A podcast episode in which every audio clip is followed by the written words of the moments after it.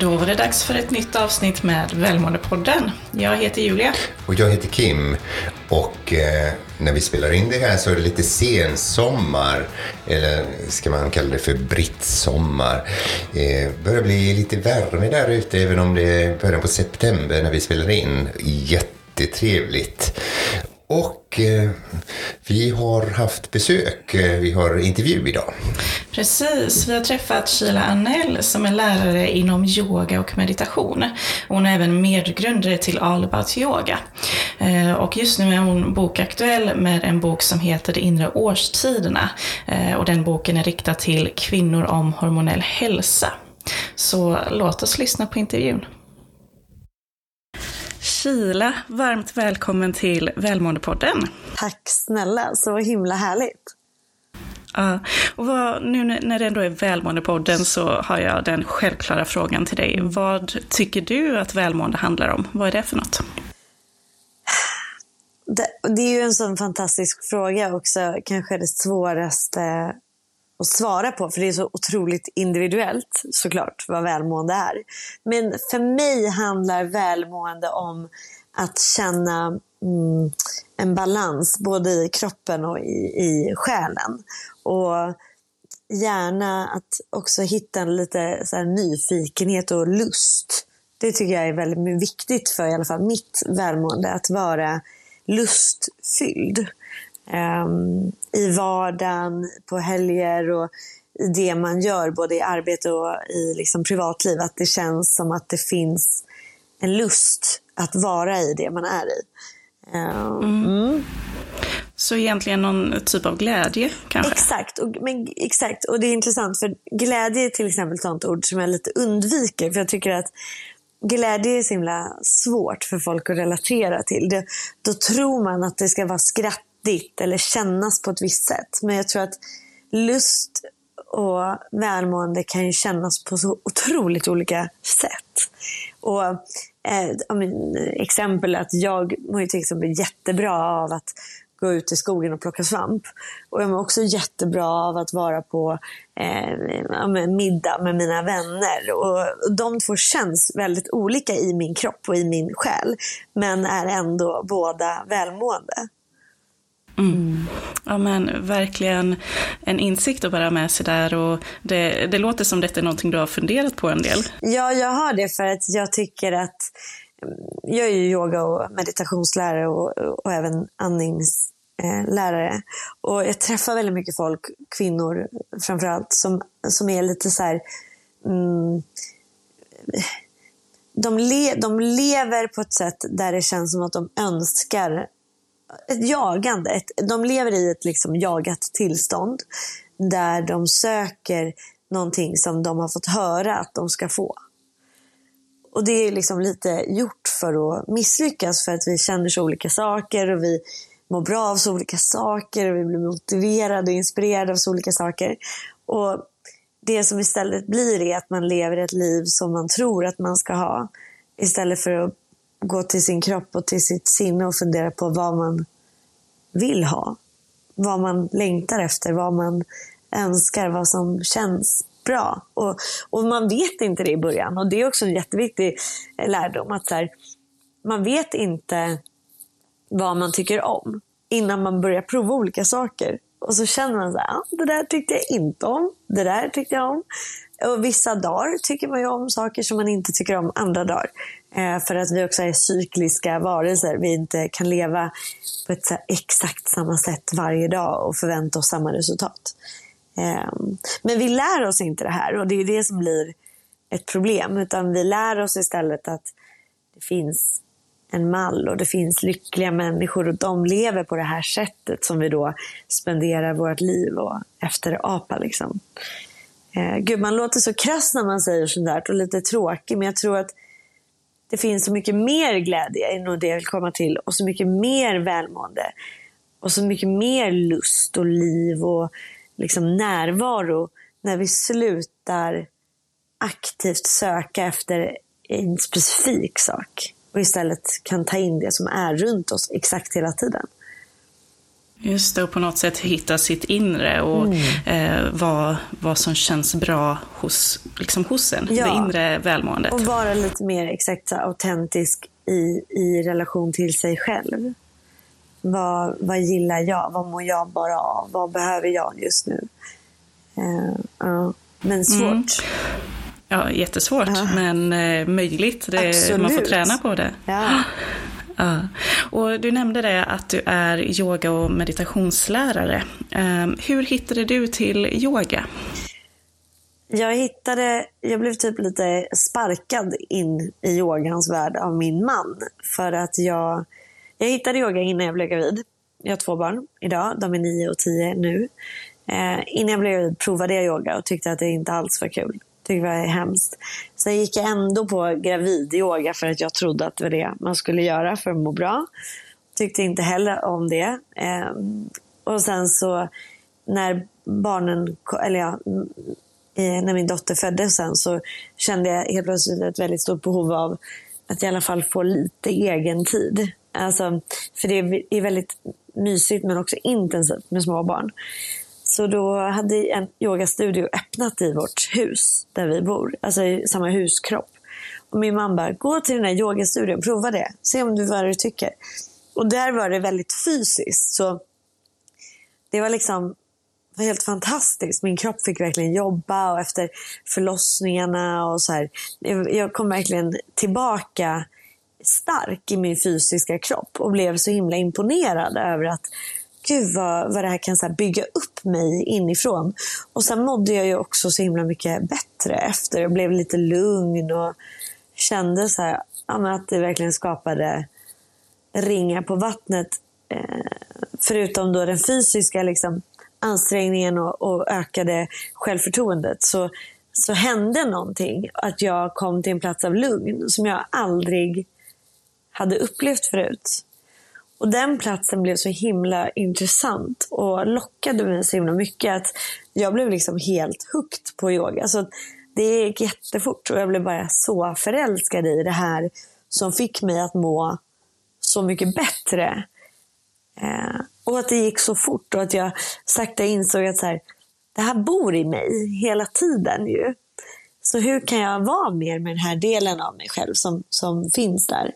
Som yogaläraren bara hjälpte mig att eh, hitta. Och hon hjälpte mig liksom att öppna den dörren till, till det här stilla rummet som, som jag har.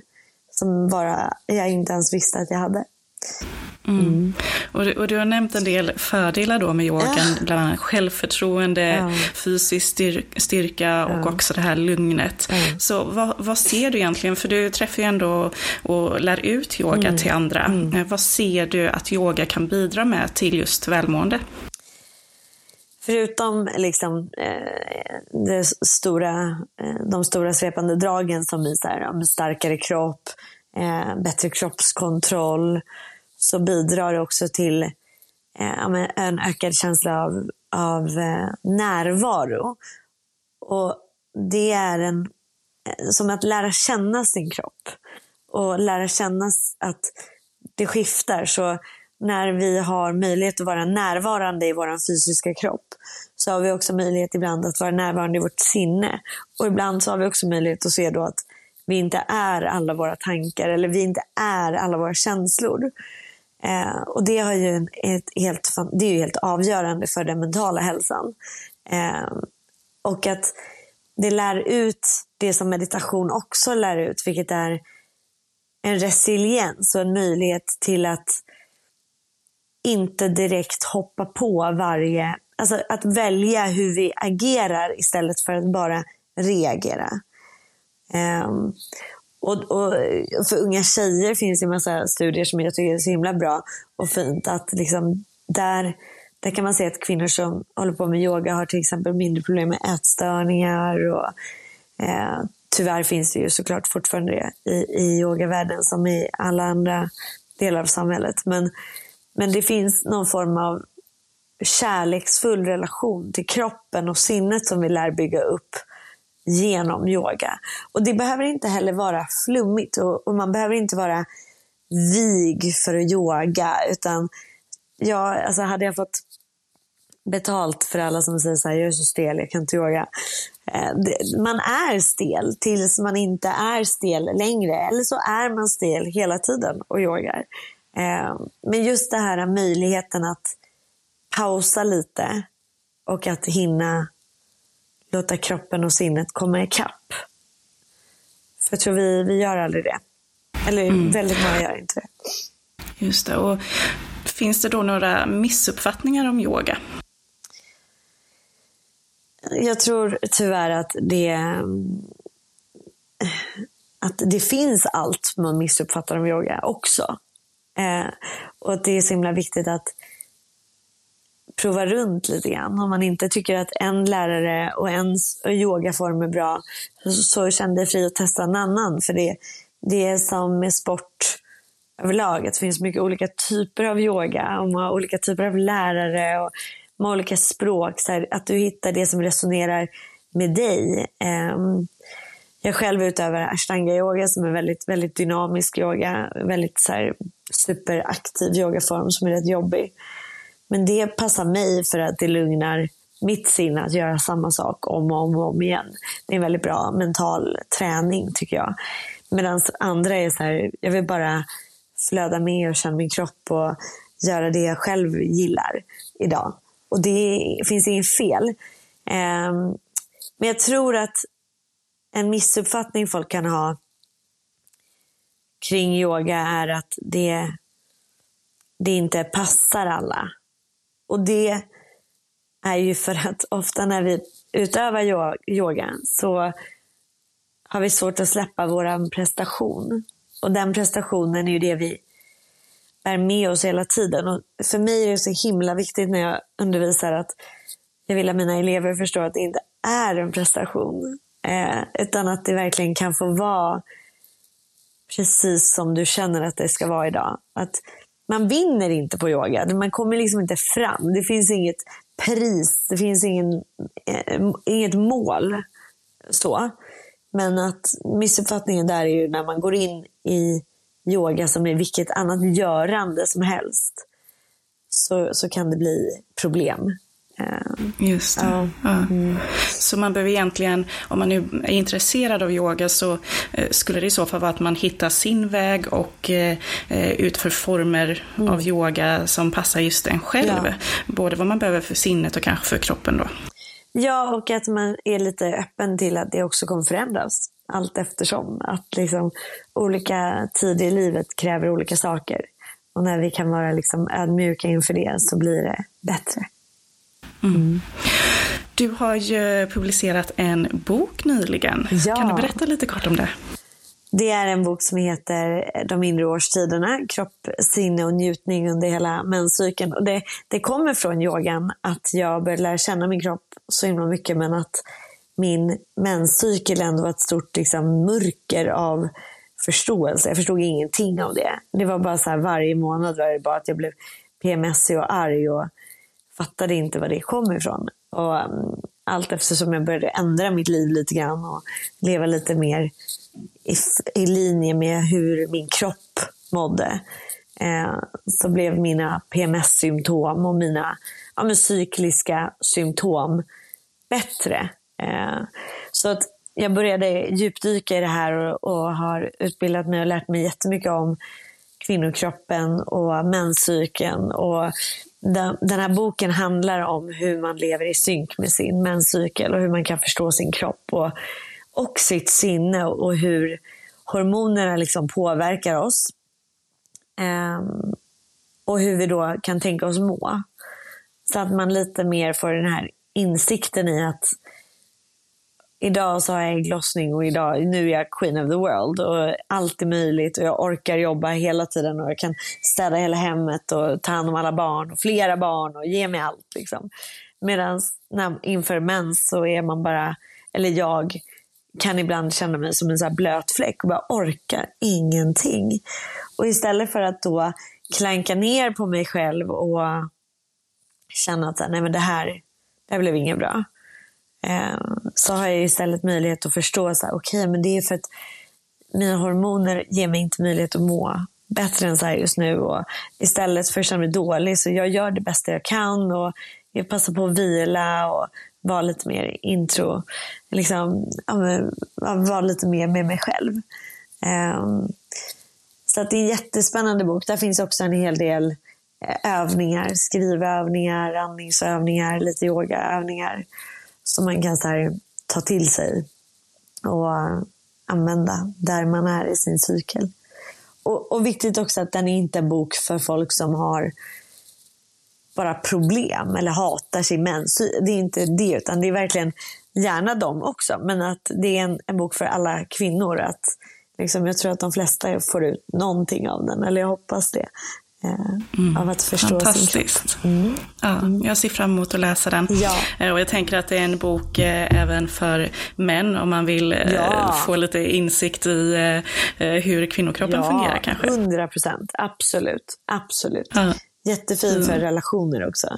Och kunna liksom kommunicera om det också. Vad är ditt bästa tips för att ta hand om sitt välmående? Jag tror att mitt bästa tips generellt är att vila mer än vi gör. Eh, att vi inte gör, att vi inte lägger på mer saker på vår göra-lista och att vi inte behöver driva oss mer framåt, uppåt. Jag tror inte att vi blir gladare nästa vecka när vi har gjort allt vi skulle göra den här veckan. Utan att bara försöka vila mer. Ja. Det är ett fantastiskt budskap som Välmåendepodden helt står bakom, ja, att ta tid till att vila. Ja. Tack Sheila för att du har ställt upp på en intervju här med oss i Välmåendepodden. Så himla fint. Tack Julia. Tack.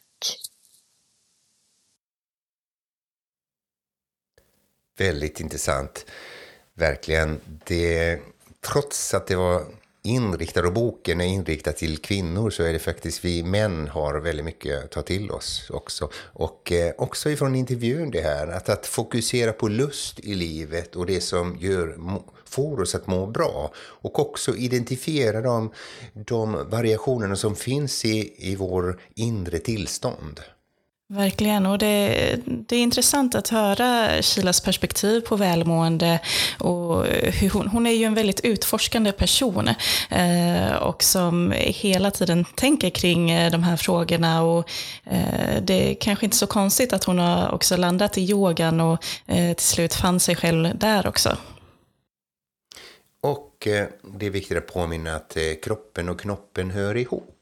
Så ibland för att vi ska kunna må bra så behöver vi använda vår kropp till vår hjälp. Precis. Och eh, innan vi avslutar här så vill jag bara påminna dig om att eh, vår ideella organisation Wake Me Up vi har ju ett event i Stockholm den 9 oktober eh, klockan 18 till 20 och eh, vi har en tidigare gäst i Välmåendepodden, Lena Skogholm, som kommer gästa eventet med en föreläsning om tonårshjärnan. Det här eventet är ju gratis, så, men för att få sin plats så behöver man en biljett. Så om du vill vara med där så mejla kontaktat wakemeup.se för att få din kostnadsfria biljett.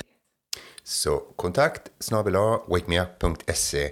Hör av dig och då får du vara med om en riktig upplevelse. upplevelse. Verkligen. Det är Lena och sen är det jag och Kim som du får träffa där på plats och många av våra volontärer i organisationen. Så det ser jag verkligen fram emot.